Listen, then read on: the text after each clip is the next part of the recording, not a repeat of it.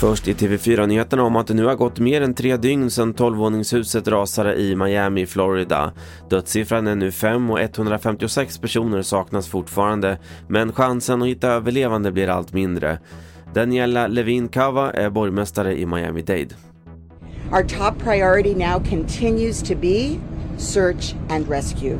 We continue to have hope. We're continuing to search. We're looking for people alive in the rubble. That is our priority, and our teams have not stopped. Sverige, en man i 50-årsåldern fördes i natt till sjukhus med allvarliga skador efter att ha blivit knivskuren i ett bostadsområde i Varberg. Även en kvinna i 50-årsåldern fördes till sjukhus då hon blivit misshandlad i bråket. En person har gripits. Och sist, fotbolls-EM. För Danmark är vidare till kvartsfinal efter utklassningen mot Wales med 4-0 igår. En rejäl återkomst för danskarna som förlorade öppningsmatchen mot Finland efter att Christian Eriksen ramlat ihop på planen. Och segern blev landets första slutspelsvinst sedan VM 1998. I den andra åttondelen slog Italien Österrike med 2-1. Det var senaste nytt från TV4 Nyheterna. Jag heter Carl-Oskar Altsén.